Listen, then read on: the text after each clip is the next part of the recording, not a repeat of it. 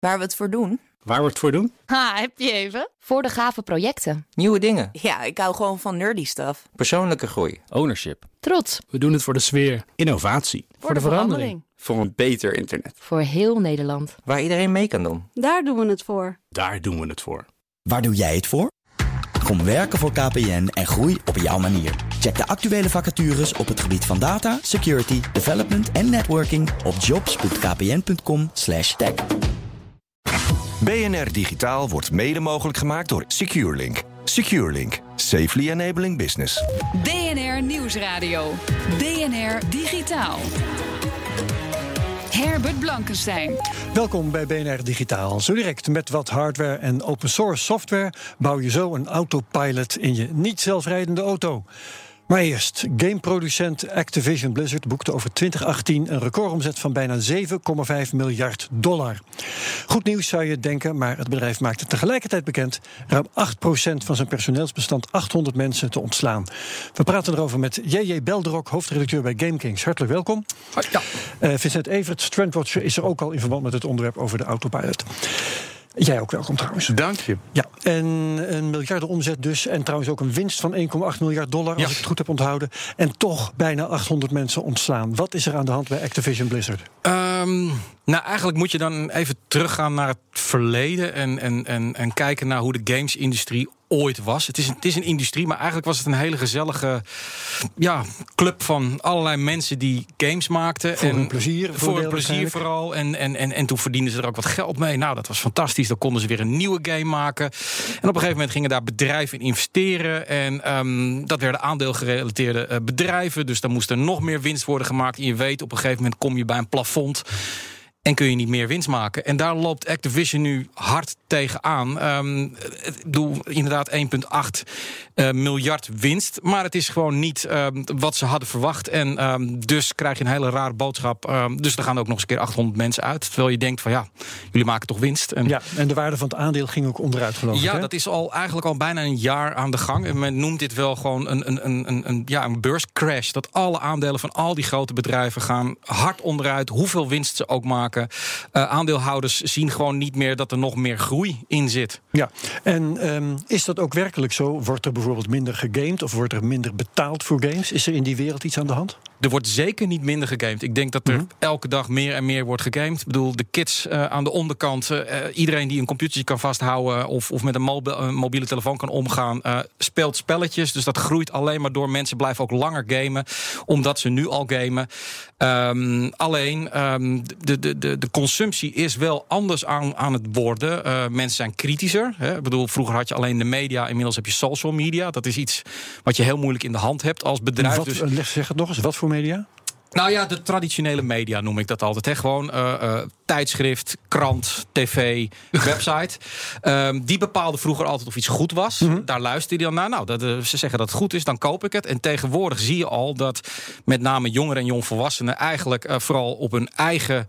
eh, omgeving afgaan via social media. Dus die krijgen. Social, oh, dat ja, verstond ik sorry, verkeerd. ja, nee, dat nou, was het. Ik word Ja. er helemaal gek van. Mijn zoon zit de hele tijd gewoon alleen maar te kijken naar jongetjes die zelf dan weer aan het gamen zijn. Exact. Uren, uren. En dan Hallo, kijk jij ik bent hier met twee smartphones 20, tegelijk in de 40 weer. miljoen views.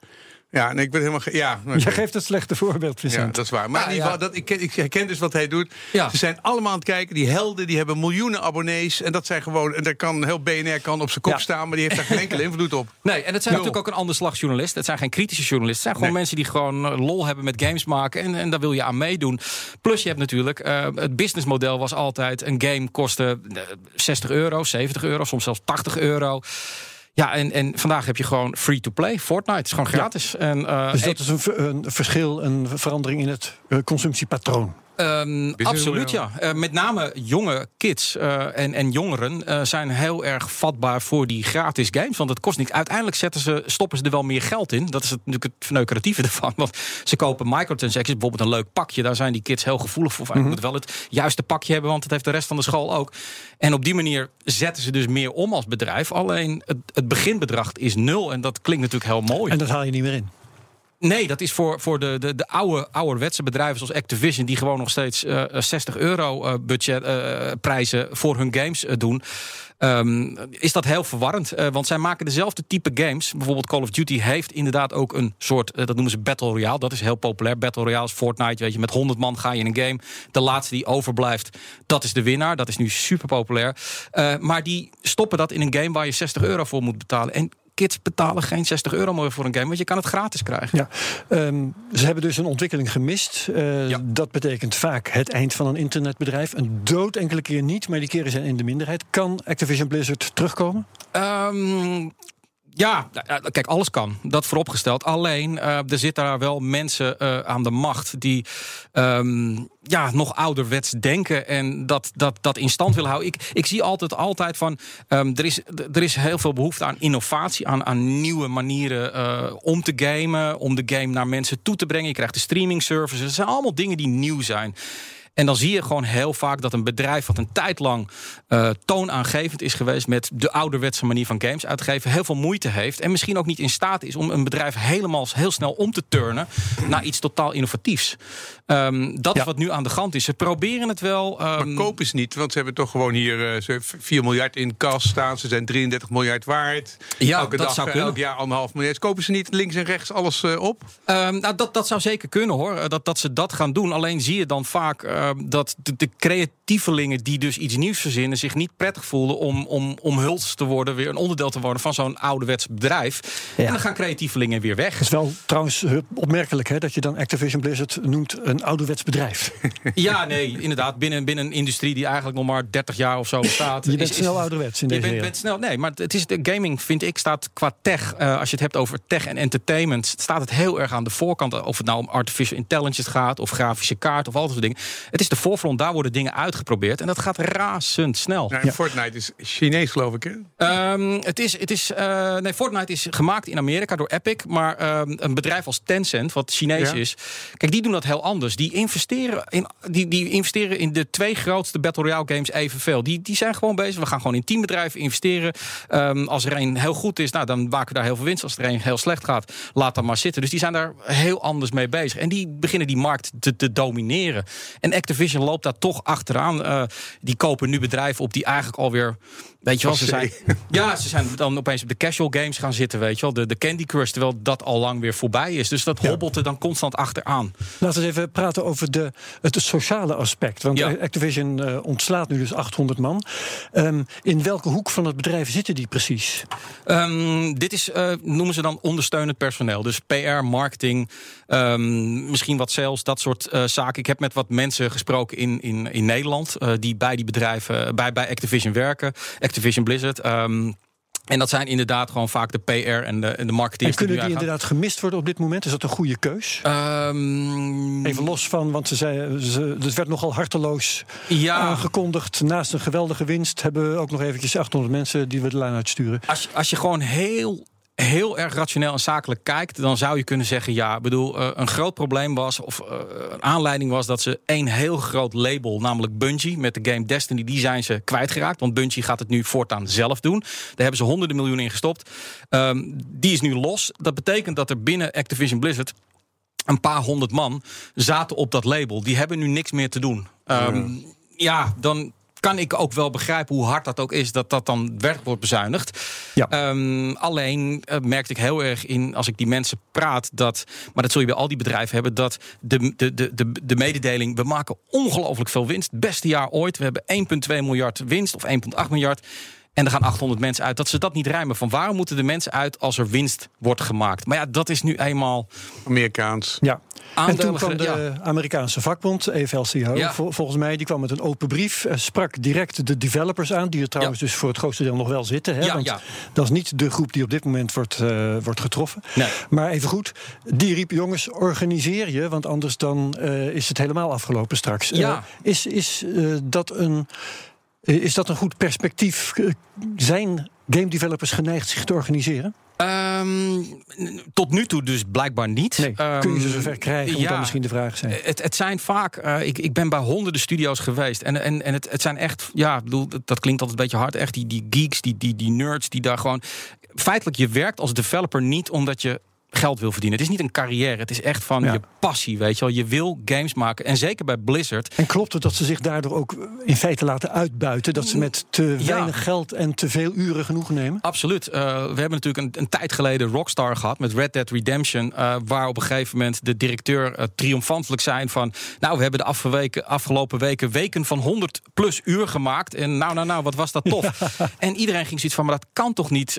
Dat crunch time, ehm, dat is gewoon heel heftig. Zeker in Amerika, waar je gewoon ehm, eigenlijk een bepaalde druk hebt van je doet dat gewoon. Je gaat niet tegen je baas zeggen van sorry, maar dit weekend heb ik ook de kids, weet je wel. Of ik wil wat leuks gaan doen. Nee, je, je werkt gewoon. En ehm, het is zo'n droom voor die mensen om voor een game developer te werken. Alleen zie je nu, en dat merkte ik heel erg, dat, dat ehm, wat, wat, wat gevaar kan zijn, is dat met deze harde maatregelen eh, de directie van Activision binnen het bedrijf een, een cultuur van angst heeft gecreëerd. Ja. Van Boos eh, en ik heb daar Demotivatie. demotivatie hebben vaak discussies erover. En Boris is daar gewoon keihard. Die zegt van dit is de eerste keer en over een jaar dan komt de volgende ronde en dan gaan de duizend uit en dan gaan er gewoon de developers uit. Je, je kan erop wachten. En creatievelingen gedijen gewoon niet fijn in een negatieve omgeving. Je moet die mensen ehm, eh, de kans geven om iets te creëren. En dat is er op dit moment. Die druk is zo hoog. Er moet winst worden gemaakt. Er moet gescoord worden. Ja. Ja, dan. Ja, Er zijn nog meer bedreigingen, want Google heeft een, een Ja. nieuwe game streamingdienst aangekondigd. Een soort Netflix voor gaming. Ja. Ehm, wat is het perspectief daarvan? Wat gaat dat betekenen in de gamingwereld? Ik denk dat heel veel bedrijven ehm, nu wel denken: oh mijn god. Ehm, Google is natuurlijk wel een grootmacht. Eh wat er aan de hand is feitelijk is dat eh, ooit kocht je games in de winkel. Toen kreeg je de periode dat je games online kocht, maar dan kreeg je het doosje opgestuurd. En nu eh, gaat het gewoon. Het internet is zo snel. ehm, Het is je- een dienst geworden. het is een dienst geworden. Dus bij consoles heb je al hè, de PlayStation, Xbox, die hebben hun eigen servers. Die is gewoon afgebakend. Dus PlayStation verkoopt de games en Xbox koopt de games. Maar op PC-gebied bijvoorbeeld is dat een open markt. En dat was altijd van één bedrijf, Valve, met Steam. Die waren verreweg de grootste. Ja. En nu zie je dus dat andere bedrijven zoals Epic, de makers van Fortnite, die hebben miljarden verdiend. Die zijn ook een eigen dienst begonnen. En nu komt Google. Ik weet zeker dat Amazon ook zit na te denken van, eh, hmm, dat is interessant gaming. En ehm, ja, wat gaat hier gebeuren? Is dit, eh, wat, wat je vaak ziet, is dit is dan uiteindelijk toch weer de race to the bottom. Hè? Dat games dan maar weer goedkoper, nog goedkoper en nog goedkoper. En dan krijg je dus weer dat die grote bedrijven dan hun marges niet kunnen maken. En zo zit je in die cirkel. Oké, bedankt voor je commentaar. J.J. Belderok, hoofdredacteur van GameKings. Een autopilot inbouwen in je niet zelfrijdende auto is makkelijker dan je zou denken. En dat bespreken we zo. BNR Nieuwsradio. BNR Digitaal. Welkom terug bij BNR Digitaal. Wij willen graag de Twitter-nanny van Elon Musk zijn trouwens. Dan ga ik eventjes naar links toe. Links, ja, handen van het stuur. Kijk, hij zegt, hé, hey, mag niet. Maar nu is die auto voorbij. Gaat hij naar rechts. Keurig. Yay! Jee, van alleen maar zelfstandig inparkeren naar autonoom rijden. Met wat hardware en open source software, gratis dus, kun je een niet zelfrijdende auto voorzien van een autopilot. En wie u hoorde was Vincent Everts, Trendwatcher, die is hier ook eh, zelf aanwezig. Hoi. Hey. Ja, Om hierover te leuk. praten. Om welke software gaat het in dit geval? Het gaat om, eh mooie naam, comma.ai, dus C-O-M-M-A.ai. En dat is open source software. Het is wel een mooi verhaal. Die George Holtz die erachter zit, dat was de allereerste die de iPhone heeft gehackt. En daarna de eerste die de PlayStation heeft gehackt. En toen dan. Echt toen zo'n dit- wonderkind, hè? Wonderkind, ja, Ja. echt op zijn 18 of zo. En iedereen helemaal pissed off en dingen. Maar toen ging hij op een gegeven moment leuke dingen doen. Toen zei hij: Hey, Elon Musk, leuk die autopilot, maar ik kan dat veel beter en ik ga dat nu maken. En ik ga voor 1000 euro op de markt brengen een, eh, een kitje. Waardoor je gewoon je auto kunt ombouwen. Nou, dat heeft hij toen eh, laten zien. eh, met een Honda Civic en een Prius en dat soort dingen. En toen wou hij dat op de markt brengen. En toen zei de Highway Authority van... eh, hey, dit is volledig onverantwoordelijk en je bent niet getest... en wij gaan je, we're gonna sue you out of existence. En, ho, en toen heeft hij meteen zijn teruggetrokken. Maar toen heeft hij die software dus open source gemaakt. Dus die staat op comma.ai, kun je downloaden... kun je op een. Android-telefoon zeg maar, installeren. Moet je wel route toegeven, zeg maar. Dat is op zich niet zo vermoeilijk. En je kunt wel bij comma.ai een prachtige telefoon kopen... met helemaal kant-en-klaar voor 500 euro. En die plak je tegen het eh, raam aan. En een draadje naar de bus, eh, zeg maar. Het is echt een kwartierwerk om op een gegeven moment even een auto in te bouwen. En dan gaat jouw Prius, die rijdt gewoon keurig op de snelweg tussen de lijntjes, gaat inhalen. En die rijdt gewoon net zoals een autopilot met ongeveer dezelfde kwaliteit. Dat, dat is toch ongelooflijk? Ik bedoel, je koopt een Tesla, dan kun je nog begrijpen dat, dat, er, eh, dat het in Tesla 6000 kan euro kun je dan een autopilot bij kopen. Ja, en, en voor dit bedrag met standaard onderdelen krijg je opeens een niet zelfrijdende auto aan het zelfrijden. Ja, dus eh, dat en is ook jij hebt het inderdaad. geprobeerd. Je hebt er een Ik heb, video het dus over gemaakt. ik heb het ook geprobeerd. Ik ben ook meteen gebeld door de RDW. Wat ik wel in godsnaam aan het doen was. Toen ik dat filmpje zeg de maar had. Rijksdienst voor eh, het Wegverkeer die geacht wordt auto's te keuren. De RDW is de Rijksdienst voor het Wegverkeer. Een fantastische, innovatieve organisatie. Die eigenlijk ook gewoon de Tesla test voor heel Europa. En die eigenlijk gewoon alle automobilisten, automobielfabrikanten helemaal pistof heeft gemaakt dat Tesla dit ook mag doen. Dus die, die, die geven eigenlijk veel ruimte. Maar die belde mij wel op Ja. van eh, meneer Evers, bent u nou helemaal gek? Maar ik heb het inderdaad eh, zelf geprobeerd. Ik werd door Kaal werd ik, eh, opgebeld. Die zei, ik ben de eerste die in Nederland zeg maar die software heeft Kyle is een gedownload. jonge vent, ook Ja, hè, 19, of zo. jaar, briljant. Maakt ook, Die zijn vader zo gek had gekregen, want ik heb jouw video ook bekeken. Zijn vader zo gek had gekregen dat hij mocht sleutelen aan de auto van zijn vader. Ja, en hij is, hij is eh, piloot zelf. hè. Hij, hij doet grote Boeings, vliegt hij. Wie, Kyle of zijn nee, vader? zijn vader. En, Oh, eh, die, ja, die weet ik vond het wel goed. En die, eh, die mocht dus inderdaad op zijn Prius mocht hij dat monteren. En zijn moeder vindt het geweldig. Zijn vader vindt het nog niet stabiel genoeg. maar eh, dus een hele familie. Maar hij heeft ook nog een heleboel andere elektrische voertuigen gemaakt. Elektrische fietsen. Nu maakt hij een boord. Wat, eh, zo- zo'n eh, boord, zo'n hoevenboord op het water. Maar hele intelligente jongen. En die heeft gewoon die software gedownload en heeft het geïnstalleerd. En die zei, wil je het een keer zien? Nou, ik zei, ja, ik wil het heel graag zien. Want ik had die George, die had ik eh, twee jaar geleden op, eh, in, in Portugal een keertje al eh, George ontmoet. van Comma AI. Van Comma AI. Ja. En eh, dat was een ongelofelijke eigenwijze gozer die zei... ja, ik ga dat gewoon veel beter doen. Ik word de Android van de autopilot. En, eh, en Tesla is dan de, de, de, de, de, de Apple.